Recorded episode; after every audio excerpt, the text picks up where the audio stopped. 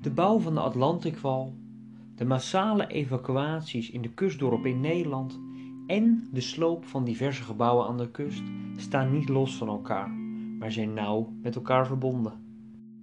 Na de meidagen van 1940 is voor Nederland de Duitse bezetting begonnen. De Duitsers veroveren in dat jaar grote gebieden in Europa en lopen landen zoals Frankrijk snel onder de voet. Na het uitblijven van een Duitse invasie in Engeland en de inval in Rusland van juni 1941 wordt in het Westen steeds meer de nadruk gelegd op de kustverdediging. In 1941 houdt men sterk rekening met een eventuele geallieerde invasie. Om deze aanval tegen te gaan, wordt er aan de verdedigingslinie gewerkt. De opdracht hiertoe wordt gegeven op 14 december 1941. Er moesten versterkte bunkers in gewapend beton aangelegd worden en vanaf dat moment worden er ook plannen gemaakt voor de bouw van een samenhangend kustverdedigingsstelsel. Men zou dit de Neue Westwal gaan noemen. Ook in Nederland wordt aan de linie gewerkt. De uitbouw van de kustverdediging van Noordwijk, Katwijk, Kijkduin, Terheide en Hoek van Holland moet als eerste worden versterkt. Al deze plaatsen hebben een wijd vertakt stratenplan dat vanuit het achterland tot de kustwegen loopt. Hiermee zouden de aanvallers snel naar het binnenland kunnen trekken. Bij een landing zouden de aanvallers, de geallieerden dus, zich ook in de huizen kunnen verschansen en daarom willen de Duitsers de invasie op het strand tegenhouden. De eerste maatregelen die genomen worden zijn prikkeldraadversperringen. Badplaatsen mogen vrij blijven, maar moeten in principe wel afsluitbaar zijn met prikkeldraad. Afsluitbare doorgangen. In april 1942 begint men in Katwijk en Scheveningen al met de eerste ontruimingen en evacuatie van de kustgebieden.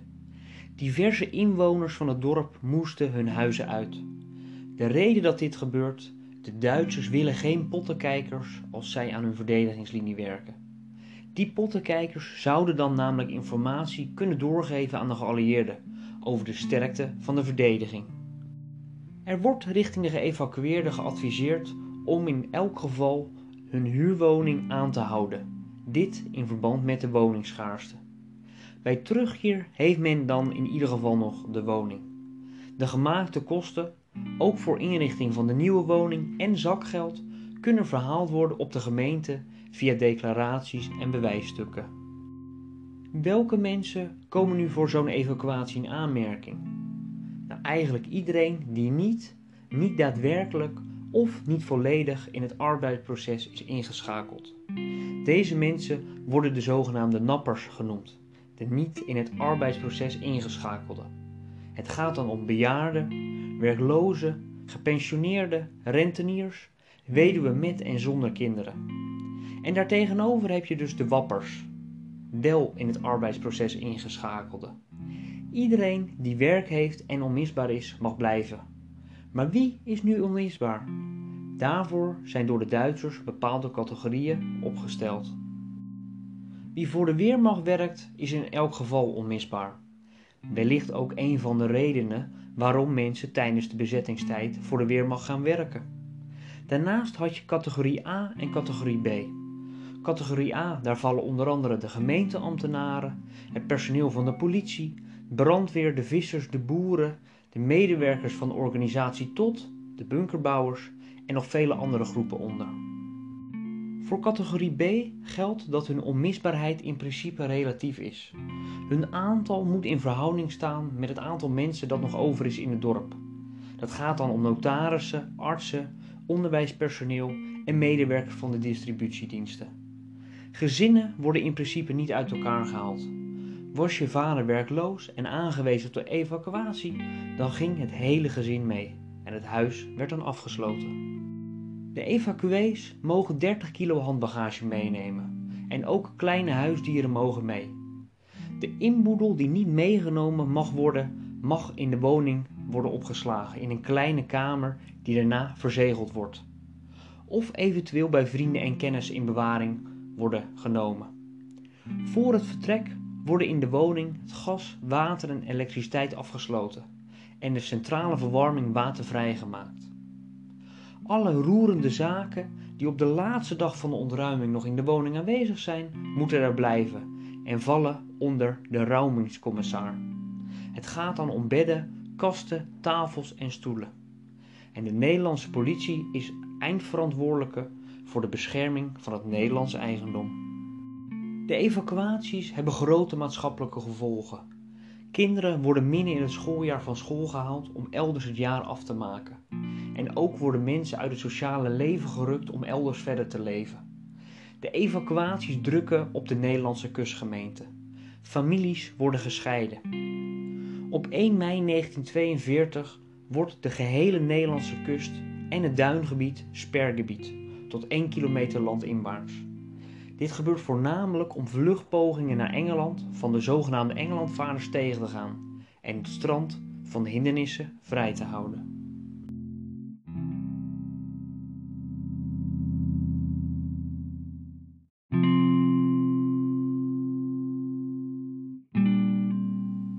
Op 19 augustus 1942 vindt een geallieerde aanval plaats op de Franse stad Dieppe. Het is een onderneming van de geallieerden om de Duitse stellingen al daar te testen. Deze aanval mislukt totaal en de Duitsers slaan de strijdkrachten terug. Hierna is Hitler ervan overtuigd dat de verdedigingslinie, ook wel de Atlantikwal genoemd, een onneembare vesting moet worden. Veel bunkers en kanonnen moeten worden neergezet. En dit heeft niet alleen gevolgen voor de verdediging aan de zeezijde, maar ook de landzijde moet verdedigd worden, met het oog op mogelijke aanvallen van parachutisten. Het landfront moet bestaan uit geschutsbunkers, tankwallen, landgrachten, mijnenvelden en andere hindernissen. Een interessant gegeven is dat de mislukte aanval van Jep in 1942 uiteindelijk ook een rol heeft gespeeld in de succesvolle landingen in Normandië twee jaar later, op 6 juni 1944.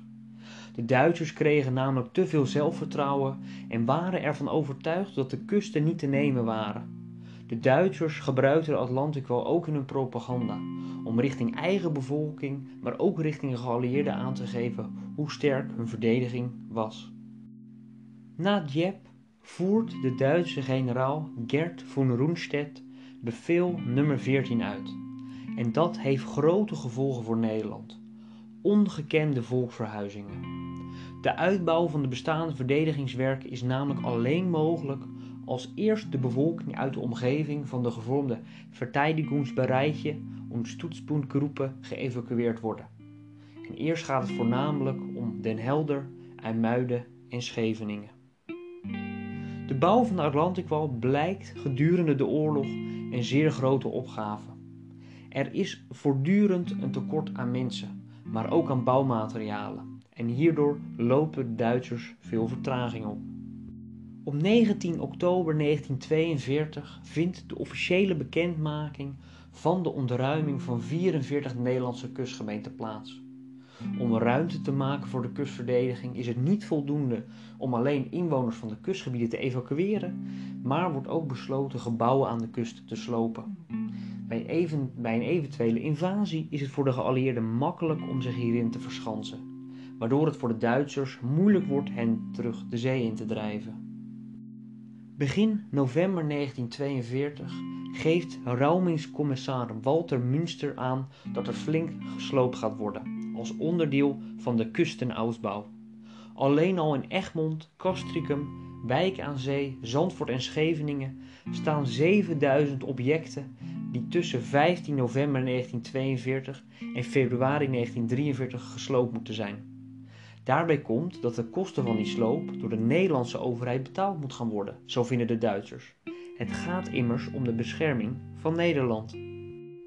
Er volgen al snel gesprekken tussen de diverse Duitse instanties die betrokken zijn bij de uitwerking van de sloopplannen. Omdat het een enorme operatie is, gaan de Duitsers in gesprek met de Nederlandse ingenieur Brusse, een NSB'er.